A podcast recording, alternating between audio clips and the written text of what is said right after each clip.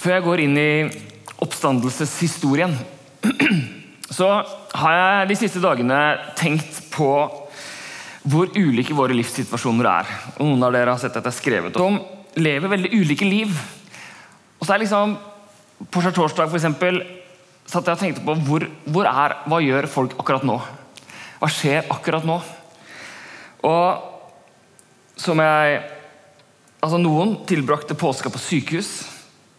Noen fordi de venta på livets mirakel, å få et nytt barn. Margot og Kristoffer, min kollega, ble foreldre til William på langfredag. Alt gikk bra, og barnet har visst allerede vunnet Margot sitt hjerte. Det er jo flaks. Eh, men det har gått bra. Mens andre av dere, andre i menigheten, er ved sykehuset og våker ved noens eh, Eller mot på livets slutt, eller har fulgt sine, eh, sine, gamle, sine gamle mot slutten. Noen har vært mye på sykehuset pga. et barn som er sykt.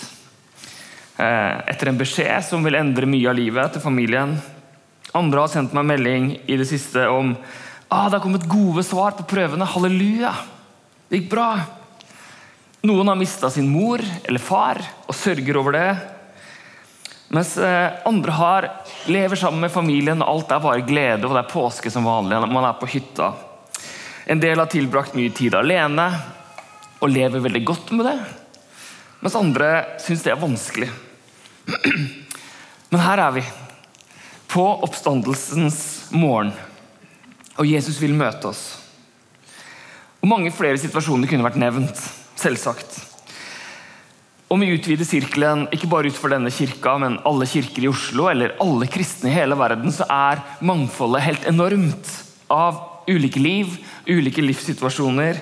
Men vi tror at Jesus Kristus er overalt og hos alle. At han er ved universets ende, og at han også er her hos oss i dag. Og Nå har jeg på en måte allerede fortalt slutten på preken, og vi har hørt den allerede lest som dagens tekst, og vi har sunget det og hørt det rappa, hva som skjedde på denne dagen. Og Vi har hørt Johannes sin versjon av oppstandelsen.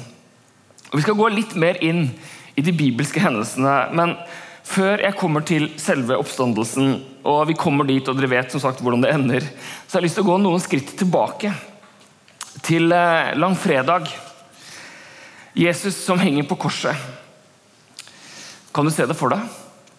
Jesus som henger på korset. Vi har helt sikkert ulike bilder av det, prega av filmer vi har sett, malerier eller indre fantasier, eller basert på tekstene. Så ser vi for oss Jesus henger der på korset. Men hvem er det som ikke er en del av det bildet på det tidspunktet? Når Jesus henger på korset? Historien på langfredag. Hva er det vi ikke finner i den historien på langfredag? Jo, det er etterfølgere. Det er ingen disipler akkurat der og da som tenker 'yes, dette går veien'. Det er ingen kristne der, selvfølgelig. Men vi kan jo noen ganger tenke at selvfølgelig var det kristne der. Nei, det var jo ikke det. De var borte, det var ingen kirke, det var ingen bibel. Hva har vi på det punktet i historien hvor, hvor korsfestelsen har skjedd? Hvem er det som er der? Jo, vi, vi har en gjeng redde, usikre galileere. Overvelda av sorg og forvirring. Deres religiøse ledere hadde konspirert med Roma, med okkupantene, med deres fiender, for å morde og feilaktig anklage han som de hadde kjent så godt. En som de hadde kommet til å tro at kanskje var Messias, Guds konge. Og så, i løpet av 24 timer, så endrer alt seg. De trodde de skulle vinne. De var på vinnerlaget. Det er ikke så lenge siden palmesøndag. Jesus som blir tatt imot i Jerusalem som en seirende general som rir inn i Jerusalem. Og Først så er det en sånn religiøs hyllest. Hosianna, Hosianna, han som kommer i Herrens navn. Men så blir det ganske raskt politisk. Velsignet er han som er Israels konge. Og etterfølgerne til Jesus tenker vi er på vinnerlaget. Yes, nå skjer det! Jesu etterfølgere har venta på dette øyeblikket og håper at Jesus skal proklamere seg endelig som Messias. Og så plutselig, uventa, så er det over. Han henger på korset. Og Poenget med korset er jo ikke først og fremst at romerne eh, altså ikke hadde andre måter å få folk til å dø på. Nei, det fantes raskere måter å, eh, for, for eh, avliving og for straff. Men det var for å skape frykt og eh, terror så å si, i befolkningen. Og ikke minst handla det om å ydmyke den som hang der. Ofte så ble kroppene bare kastet bort, samlet sammen. Og det var jo enormt mange tusen som ble korsfesta i, i, perioden eh, av Romerriket. Men eh, denne gangen, denne kroppen, eh, var det noen som henta. Det var mulig å bestikke de romerske vaktene og si du kan jeg få lov til å ta med meg den kroppen der. Nikodemus og Josef av Arimathea de får tak i kroppen til Jesus. Og De forbereder kroppen etter skikkene, pakker han inn og finner en grav til han som, eh, fått, som er tilgjengelig. Og så legger de han der. Og så er det sånn at Etter flere år så kunne de hente beinene, putte beinene i en sånn sarkofag eller en sånn boks. En eske eller en steinboks eh, av noe slag. Men nå la de han i graven. Og Nikodemus han som kom til Jesus om natten og stilte spørsmål. Han som var datidens lærer og eller lærd og akademiker, og Josef fra Arimathea, som det står var en rik mann, de var hemmelige etterfølgere av Jesus. De fulgte Jesus uten å være åpenbare, sånn som kanskje mange også gjør i dag. De tror på Jesus uten å ha proklamasjonen så veldig, uten at man proklamerer det så veldig høyt. Så tenkte de kanskje denne mannen er Messias. Kanskje han er Israels konge. Men nå bærer de han. Nå holder de han, og de legger han i en grav. Og nei, det gikk tydeligvis ikke denne veien. Han var ikke Messias. Han var en god mann, så han fortjener en grav, men nei, han var ikke Messias. Og Hvis vi zoomer lenger ut på dette punktet, på denne dagen, langfredag, eller på lørdagen, så kan vi se i Roma. Hvem er i Roma? Jo, det er keiser Tiberius. Han bryr seg ikke nevneverdig om det som skjer helt nede i Judea, denne keiserrikets armhule, som han kalte det. Denne, det er bare en utpost. Han brydde seg ikke noe særlig. Han er i Roma, styrer greiene. Men hva skjer i Jerusalem? Jo, der har vi disiplene, som jeg allerede har snakka om. Vi har Nikodemus, vi har Josef og Arimathea. Og kanskje også i Jerusalem, som var Saulus og Tarsus og feira påske og sabbat. Han som skulle bli Paulus. Vi kan iallfall leke med tanker at han gledet seg sammen med sine fariseervenner for at de jødiske lederne hadde slått seg sammen med de romerske myndighetene og blitt kvitt denne oppvigleren. Denne fyren som hevda han var en konge. Hva skjer ellers i Jerusalem? Jo, vi har Thomas tvileren, som har rømt fra byen. Om de hadde tatt hans leder, så kunne de ta han også. Vi har Peter, Jakob og Johannes og noen av de andre som gjemmer seg et eller annet sted i byen. Kanskje de har tenkt at vi må prøve å finne en måte å komme vekk på. Eh, jeg tror ikke de trodde at historien om Jesus kommer til å fortsette. Vi har Peter som sier du, jeg drar tilbake på jobb. Og Det kan ikke ha vært lett for Matteus, tolleren, å si det samme. Vi hadde kvinnene der, som vi kan se for oss mora til eh, Jesus, Maria, som ser Jesus. Han som en gang hadde vært en gutt som hadde løpt rundt og lekt, nå henger naken på et kors. Og på den fortvilelsen og forferdelsen hun må ha opplevd. Det sjokket det må ha vært, og sorgen. Så kan du se det for deg på langfredag. Det er fortvilelse. Det er mørke. Du har forvirra disipler, eks-disipler, kan vi si. Forvirra innbyggere. Du har en knust mor. Det man ikke fant i det øyeblikket, det var kristne. Troende eller etterfølgere av Jesus. Og når de disiplene selv skal fortelle historien, så skriver de seg inn i historien som tvilere. Altså Jesus han kunne ikke engang, og han ville ikke engang redde seg selv. Og Ifølge disiplene og deres eget vitnesbyrd så var det ingen av dem som hadde planer om å fortsette denne Jesusbevegelsen. Om å holde drømmen om Jesus levende, som Messias levende. Nei, det var tilbake til jobb, tilbake til normalen. Ingen hadde liksom planer om at nei, du, nå, vi må fortsette det Jesus eh, ba oss om. Eh, og Kanskje er det litt sånn oversett, dette her, at hvis du kanskje er en skeptiker som meg, eller du var en gang en kristen, eller du har vært litt Men så er du på vei bort, eller du fader litt, troa fader litt bort. Så kan man noen ganger trøste seg med dette faktum at Jesus, det som var i sentrum av Jesus sin tjeneste, var ikke først og fremst et sett med læresetninger eller regler. Ikke engang Jesus sin glimrende undervisning førte til var det som var i sentrum av hans liv. Det han lærte, var jo ganske enkelt mange ganger. Og betalt skatt, som han sa, er ikke sånn, nødvendigvis en glimrende måte å starte en bevegelse på. Eller vende andre kinnet til, elsk dine fiender. Ganske basic på et vis. Men han kan, kunne også si utfordrende ting som at begjær i tanken er det samme som utroskap. Og hvem vil følge etter noe sånt? Nei, Jesus kom, oss, kom ikke for å gi oss god kunnskap bare, for å fortelle lignelser og komme med generell visdom. Nei, Det som var i sentrum av Jesus sin tjeneste, var ikke 'kom og følg meg', eller 'kom og følg mine ideer', mine tanker. Nei, Først og fremst sa han 'kom og følg meg'. Følg meg. Han utfordra sine etterfølgere til å følge han. Stol på meg. Jeg er veien, sannheten og livet.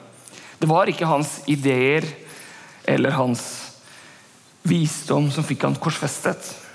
Jeg så en på Twitter i går som eh, sa at Jesus ble korsfesta fordi han sa at Gud elsker alle. Så om, vil, så om, noen vil korsfeste deg på sosiale medier for å si det samme, så er det godt selskap. eller noe sånt.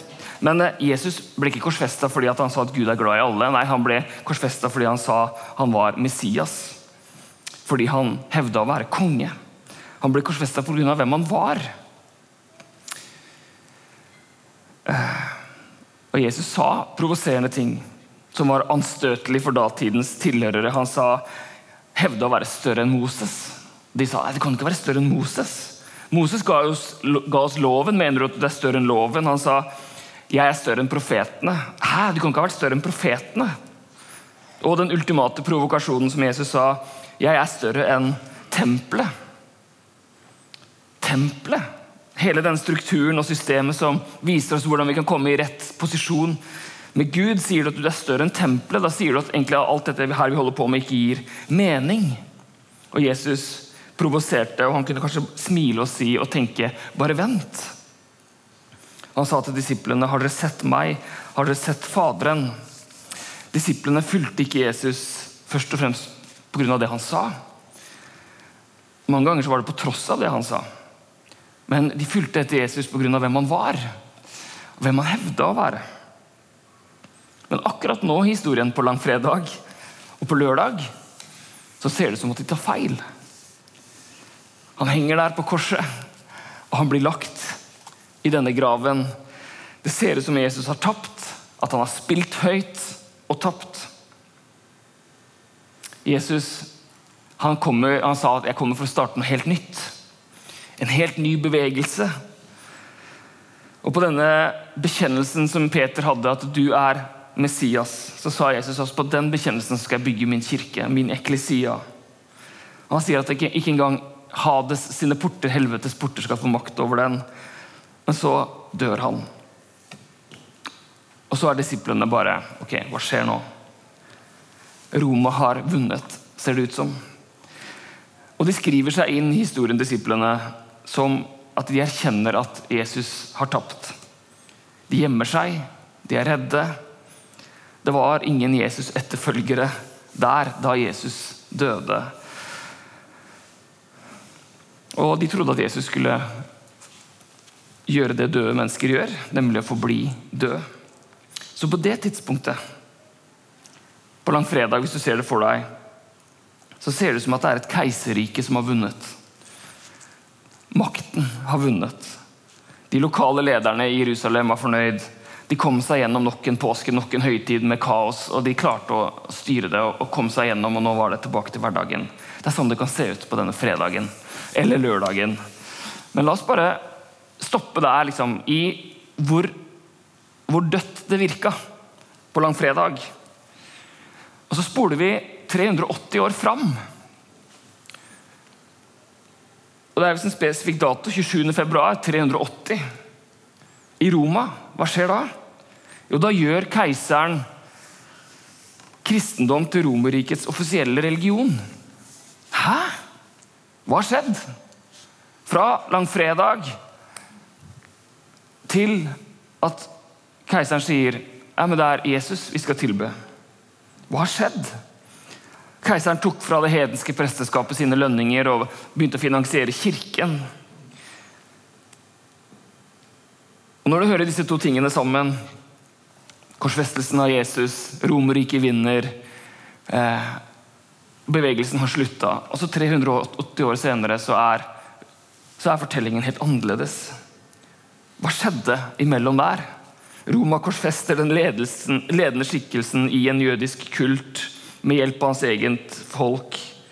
Og nå, 380 år senere, så anser, de, anser Roma denne rabbineren, denne korsfesta rabbien, som en gud. Og ikke bare liksom en hvilken som helst gud, nei, at han erstatter hele pantheonet av romerske guder. Jesus som ikke engang var romer, som hadde aldri vært i Roma, så vidt vi vet, aldri satt sin fot i denne byen. Roma sier at han skal dere tilbe. Så er det mange måter å fortelle den historien på, og historikere og antropologer vil sikkert fortelle årsakene ulikt. Allikevel så er det fascinerende kontrast mellom langfredag og år 380 etter Kristus. Og så kan vi stoppe, eller så kan vi spole fram til i dag. Til oss. I dag så er det jo ingen romersk keiser lenger.